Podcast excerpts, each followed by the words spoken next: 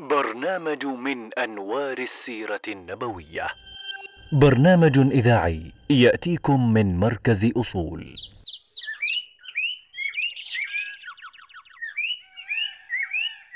بيعة العقبة.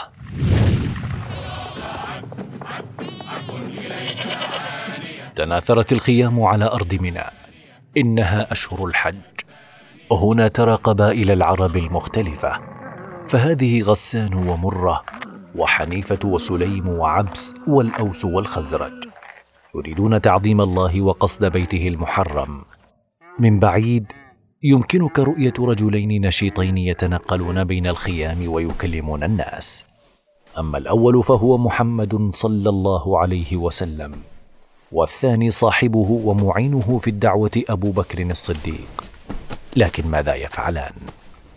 لما اشتد تضييق قريش على النبي صلى الله عليه وسلم أخذ النبي الكريم يقصد مواسم الحج وأسواق العرب ليعرض دعوته على قبائل العرب. ويطلب منهم النصرة والحماية. فقد بالغت قريش في إيذائه. وبات الرسول الكريم وأصحابه غرباء في ديارهم مستضعفين بلا سند ولا نصير. لكن من بين الغيوم الملبدة ومن وسط الظلام الحالك سينبثق فجر الفرج. ففي موسم الحج هذا في عام أحد عشر للبعثة ستشرق شمس الإسلام على نفر قلائل من الخزرج. هم ستة في العدد لكنهم في العزم والعمل كما الجبال الراسخة. هنا ستتلاقى الأرواح وسيجد الرسول الكريم أنصاره وسيفرح أهل يثرب بالنبي المنتظر. قد سمعوا اليهود يكثرون ذكر نبي آخر الزمان يترقبون مقدمه ويتلمسون علاماته وتيقن أهل يثرب أن هذا الرجل هو البشارة الموعودة فأسلموا وآمنوا وعزموا أن يكونوا دعاة لقومهم من بعدهم. وما هي إلا أشهر معدودة ليحين موسم الحج القادم. ليقدم هذه المرة اثنا عشر رجلا هم طليعة القوم.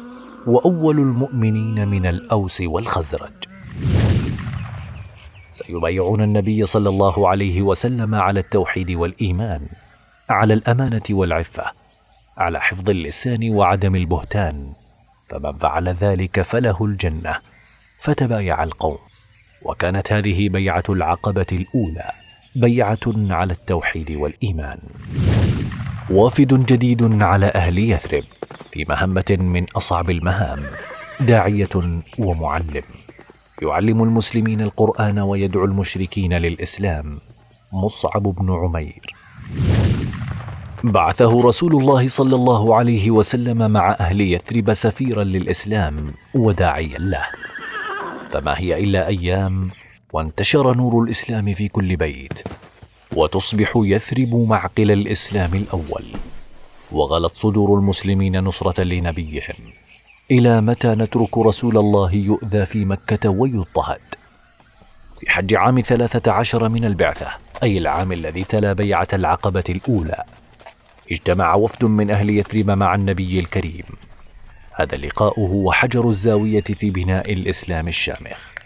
لقاء غير مجرى التاريخ وحول مجرى الأحداث في صراع الوثنية مع الإسلام. فاجتمع القوم في خفية وكان موعدهم العقبة. جاء النبي الكريم ومعه عمه العباس ليطمئن على ابن أخيه وليستوثق من الأمر فالأمر جد لا هزل. فأجابه المؤمنون بقول فصل يا رسول الله خذ لنفسك ولربك ما أحببت.